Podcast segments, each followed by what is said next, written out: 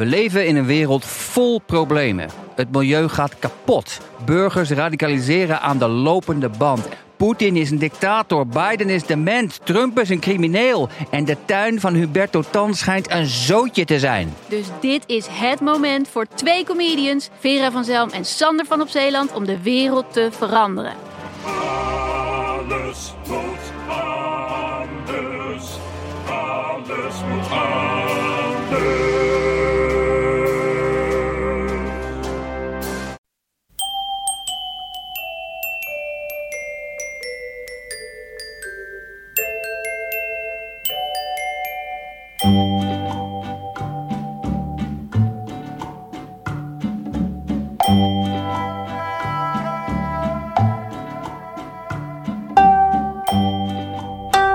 Welkom bij aflevering 245 van Echt Gebeurd, de podcast waarin waargebeurde verhalen worden verteld door de mensen die ze zelf hebben meegemaakt.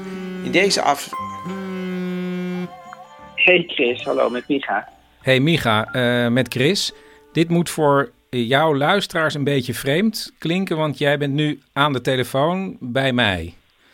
Eh, ja, ik was eigenlijk aflevering 245 van de Echt Gebeurd podcast aan het inspreken. Ja, dus misschien moet jij het even uitleggen.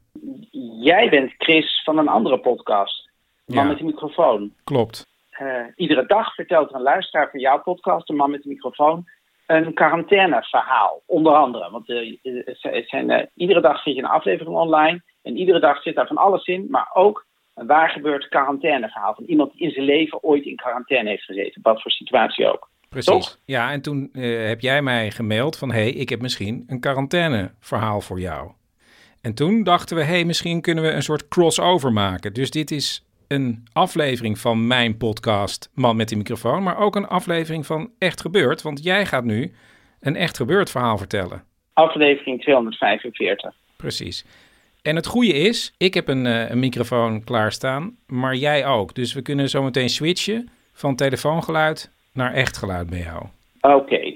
Eh, eh, Het begint eigenlijk in 2002, toen ik in een, eh, in een cafeetje zat, een slokje thee nam en een brok in mijn keel voelde. Maar dan eh, niet van ontroering, maar echt eh, letterlijk. Het was een heel raar moment. Opeens denk ik, er zit iets in mijn keel. Eh, toen voelde ik met mijn hand, toen voelde ik dat het ook aan de buitenkant van mijn keel zat. Toen liep ik naar de wc, toen keek ik in de spiegel. Toen schrok ik me wild, want ik zag dat er dus naast mijn ademsappel nog een soort, soort, soort bal zat. Dus toen, toen ben ik eigenlijk, ik heb op mijn gekeken, ik denk, ja, ik, ik ga nu meteen langs de huisarts. Ik, eh, ik dacht meteen, ja, dit, dit is helemaal niet goed. En die huisarts, die, eh, die was eigenlijk al aan het afsluiten, maar die zag mij en die hoorde mij tegen die eh, assistenten zeggen van, ja, er zit iets in mijn keel. Die zei, nou, laat hem even binnenkomen. Die verwees mij meteen met spoed door naar het ziekenhuis. Ehm, en dat, dat, dat was eigenlijk het allerengste gedeelte van het verhaal. Want al, al vrij snel kwam ik bij eh, dokter Van der Poest, mijn, eh, eh, mijn internist. En dat was een hele aardige man. En die had al heel snel door, die zei van nou, er zit iets in je schildklier. En in het allerergste geval is dat kanker. Maar als het kanker is, dan is schildklierkanker van alle kankers misschien nog wel een van de best te behandelen vormen van kanker dat was eigenlijk al na, een dag of twee dat ik opeens dacht: oké, ik, ik ga hier waarschijnlijk niet aan dood, maar het kan wel vervelend worden. Ze dachten eerst nog even dat het, dat het, geen, dat het misschien een, cyste was of, of, of, of, of, of, iets anders.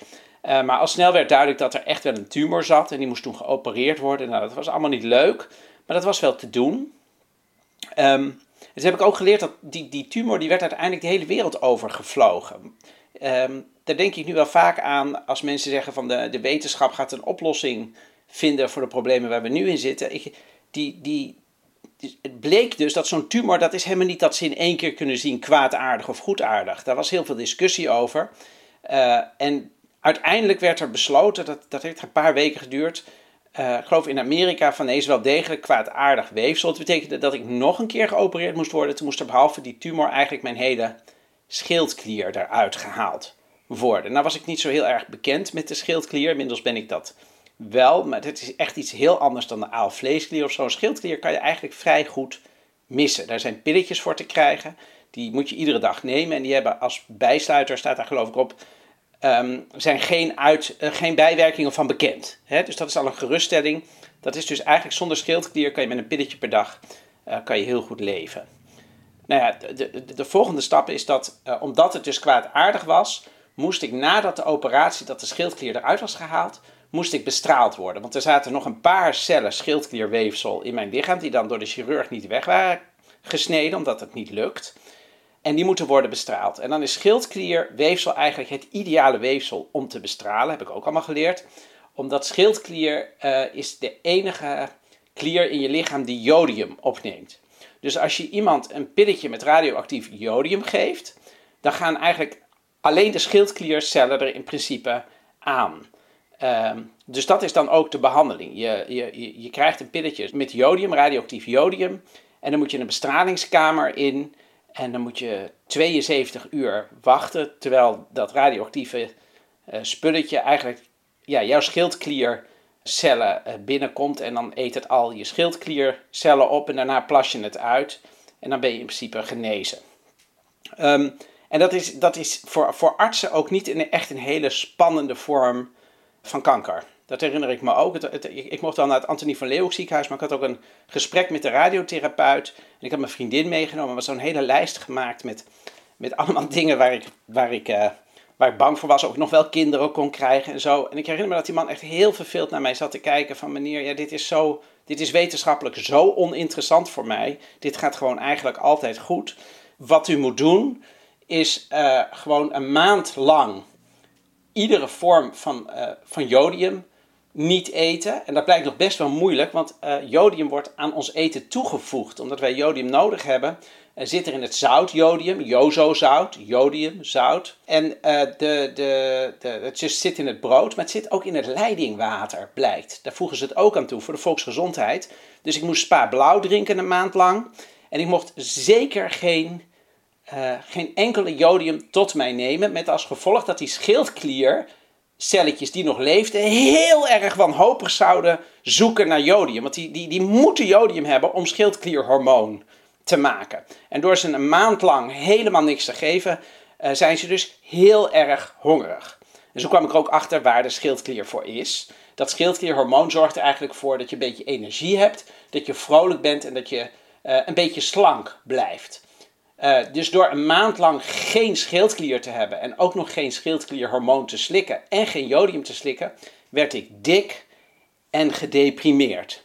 En ik had het de hele tijd koud. Maar ik wist dat dat door die schildklier kwam. Dus ik weet nog dat mijn vriendin die zorgde in die tijd voor me. Ik kwam tot niet zoveel, omdat ik dus ook heel moe en apathisch geworden was. En dan lag ik huilend in de woonkamer en dan zei ik: Ik weet dat het door de schildklier komt, maar ik voel me toch zo slecht was allemaal een beetje onwerkelijk. Was er nog iets spannends? Er moest wel ruimte zijn in de bestralingskamer. Want zoveel bestralingskamers zijn er niet in Nederland. En daar is een wachtrij voor. Die bestraling, die bestraling is aan de ene kant niet zo gevaarlijk voor mij, maar aan de andere kant, als je zo'n jodiumpilletje neemt, moet je dus wel in een lode kamer zitten waar iedereen op grote afstand van je is. Want het is toch ook weer niet helemaal onschuldig. En toen bleek het Antonie van Leeuwenhoek ziekenhuis, uh, daar was ook een grote wachtrij. Maar eerste en tweede kerstdag hadden ze nog vrij. Want heel veel mensen wilden dan liever niet bestraald worden. Um, nou, ben ik uh, uh, Joods opgevoed. Ehm, dus ja, Jood merk ik nu is wel een rode draad in dit verhaal. ik dacht van ja, kan mij dat schelen, eerste en tweede kerstdag? Hoe eerder ik klaar ben met deze behandeling, hoe eerder ik kan beginnen met het slikken van schildklierhormoon. En dan zou alles achter me liggen. Dus ik uh, naar het Antonie van Leeuwenhoek ziekenhuis, eerste kerstdag, met mijn vriendin. En ik, ik, ik mocht die kamer in. Dat was een kamer, daar hadden ze de vloer helemaal beplakt met papier. Het is nog steeds niet helemaal duidelijk wat dat papier er dan nog aan toevoegde. En uh, ja, daar zou ik dan mijn pil met radioactief jodium krijgen voor de behandeling. De radiotherapeut had een soort hele lange lode schort aan. En mijn vriendin kreeg ook zo'n lode schort aan. En ik moest helemaal aan de andere kant van de kamer gaan staan. En dan kreeg ik een blik en dat moest ik openmaken. En midden in dat blik zat een heel klein pilletje. Dat mocht ik niet aanraken, want dat was dus radioactief. Maar ik moest het wel inslikken. En met een soort reageerbuisje moest ik dat dan in mijn mond stoppen. En met een slok water erachteraan. En het moment dat die man zag dat ik me niet verslikt had, rende hij met mijn vriendin die kamer uit. En hij eh, doet de ene sluisdeur dicht en de andere sluisdeur dicht. En op dat moment zat ik letterlijk in quarantaine. Ik zat op de bovenste verdieping van het Antonie van Leeuwenhoek ziekenhuis. Ik kon uit het raam naar buiten kijken en dan zag ik de stad Amsterdam, die ja, stil en uitgestorven was omdat iedereen thuis gezellig kerst zat te vieren. Nou had ik me natuurlijk wel een beetje voorbereid, want ik wist, ja, 72 uur, hoe ga je dat, hoe ga je dat vol krijgen? Dus ik had uh, twee videobanden meegenomen, nee, drie videobanden, met alle drie de Godfather films, want die, die had ik nooit gezien. En ik dacht, nou, dat is een goede kans om dat eens te doen. En ik had wat aquarelpapier uh, meegenomen en uh, aquarelverf had ik meegenomen. een eigen theeglas en een thee-ei. Dat waren allemaal dingen die als ik die meenam, dan moest ik op voorbereid zijn dat ze daarna een half jaar in de kelder van het Antonie van Leeuwenhoek ziekenhuis moesten uitstralen voordat ik ze weer mee naar huis kreeg. Dus ik, ik kon geen dingen meenemen waar ik te veel aan gehecht was. En toen ging de deur dicht. Um, en uh, ja, er, was, er hing daar een cameraatje, daarmee konden ze mij dan zien. En er was een uh, soort babyfoon, waarmee ik dan contact kon hebben met uh, de verpleging die zo nu en dan eten klaarlegde. En dan werd er op een belletje gedrukt en dan, dan deden zij de sluis dicht en dan moest ik de sluis open doen en dan kreeg ik eten. Ik was echt afgesloten van alles en iedereen. Maar ik had eigenlijk helemaal niet zoveel energie. Die, die Godfather films kostten me heel veel moeite om te kijken. Ik was natuurlijk door dat gebrek aan schildklierhormoon gewoon nog steeds gedeprimeerd, koud en, en, en rillerig en, en slaperig en moe en geconstipeerd. Het was, uh, ik kwam de tijd eigenlijk vooral door met slapen. Maar op een dag zou mijn broer op bezoek komen. Die mocht natuurlijk niet binnenkomen, maar die kon ik dan via dat, dat cameraatje. En dit is in de tijd dat webcams nog, nog best bijzonder waren. Kon ik via dat cameraatje contact met hem leggen. En dan zou, zouden we even kunnen praten. Ik kon hem niet zien, hij kon mij wel zien. En ik dacht, weet je wat, ik ga dat aquarel uh, uh, verf ga ik gebruiken om mijn gezicht groen te verven. En dan had ik een soort, soort patroon erop geverfd. Dat dacht ik, dat is dan leuk. Dan, dan zeg ik van, oh, dat is de radioactieve ik ben veranderd in een soort mutant. Radioactieve, ja, zoals de hulk, hè, zoiets. En ik herinner me ook dat dat me heel veel moeite kostte. Dat ik echt mezelf ertoe moest zetten om dat hele gezicht te verven. Ik was in die badkamer. En ondertussen, dat vergeet ik te zeggen, was ik de hele tijd aan het drinken. Want ze hadden me gezegd, hoe meer je drinkt, hoe eerder dat radioactieve spul uit je lichaam weg is. Uh, en hoe eerder je, je naar buiten mag. Dus ik was de hele dag, als ik wakker was, hup, de hele tijd glazen water. Dus mijn dag bestond de hele tijd uit slapen, drinken en naar de wc om te plassen. En toen kwam mijn broer op bezoek. Uh, althans, op bezoek is dat dus uh, in een andere kamer. en ik zat in de bestralingskamer. Dus ik zwaaide naar hem, of naar het kameraadje. Uh, en hij wilde natuurlijk weten hoe het met me was. We hadden wel gebeld, maar goed, het was toch wat intiemer. En ik vertelde hem dat ik de Godfather aan het kijken was waarschijnlijk. En over al die flessen Spa Blauw die ik moest drinken. Um, en ik, ik, heb hem waarschijnlijk toen ook verteld, ik had een uitnodiging gekregen. In het Antonie van Leeuwenhoek ziekenhuis was vanwege de kerst ook een soort kerstdienst. Um, en daar was ik voor uitgenodigd. Eh, dat wil zeggen, ik mocht daar natuurlijk eigenlijk helemaal niet heen, want ik was radioactief. En weet ik het, dan zouden de andere kankerpatiënten misschien kanker kunnen krijgen. Maar goed, dus ik, ik had wel een uitnodiging gekregen via die sluisdeur. Hè? Dus dan legden ze dat neer en dan werd er op een belletje gedrukt en deed ik hem open. En toen lag er een uitnodiging. En het motto van die uh, bijeenkomst, dat was een motto van Nelson Mandela. Want ze wilden natuurlijk niet iets christelijks doen, omdat het nou, een dienst was voor iedereen. Het motto was, en ik verzin het niet, wij zijn voorbestemd om te stralen. Dus daar, daar hadden wij het over. En uh, ik, ik, ik keek ondertussen steeds in dat cameraatje dat boven mijn televisie hing aan de muur. Uh, maar mijn broer die zei helemaal niets over mijn groene gezicht. Dus op een gegeven moment uh, vroeg ik, valt jou eigenlijk niks op? Want ik geloof dat ik mijn ogen ook zwart geverfd had. Ik bedoel, dat was echt wel duidelijk. Dus ik zei, ik ben door een overdosis straling gemuteerd. zie je niets aan mijn gezicht? En toen bleek dus dat de camera, waar ik al twee dagen naar zwaaide als de verpleging mij iets vroeg, uh, dat die helemaal niet werkte. Die was kapot, maar dat hadden ze me niet willen vertellen, omdat ze bang waren dat ik me dan nog eenzamer zou voelen daar in die bestralingskamer. En ik geloof niet dat ik dat nou heel erg vond. Uh, ik vond het geloof ik eigenlijk wel grappig.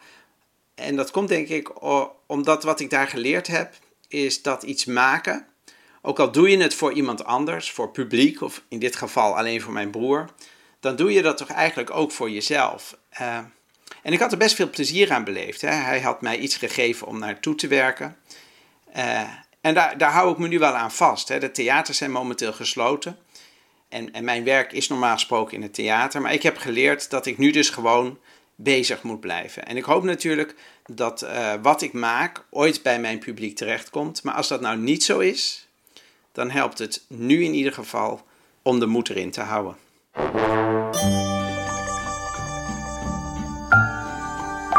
Dit was een bijzondere samenwerking tussen Echt Gebeurd en de man met de microfoon.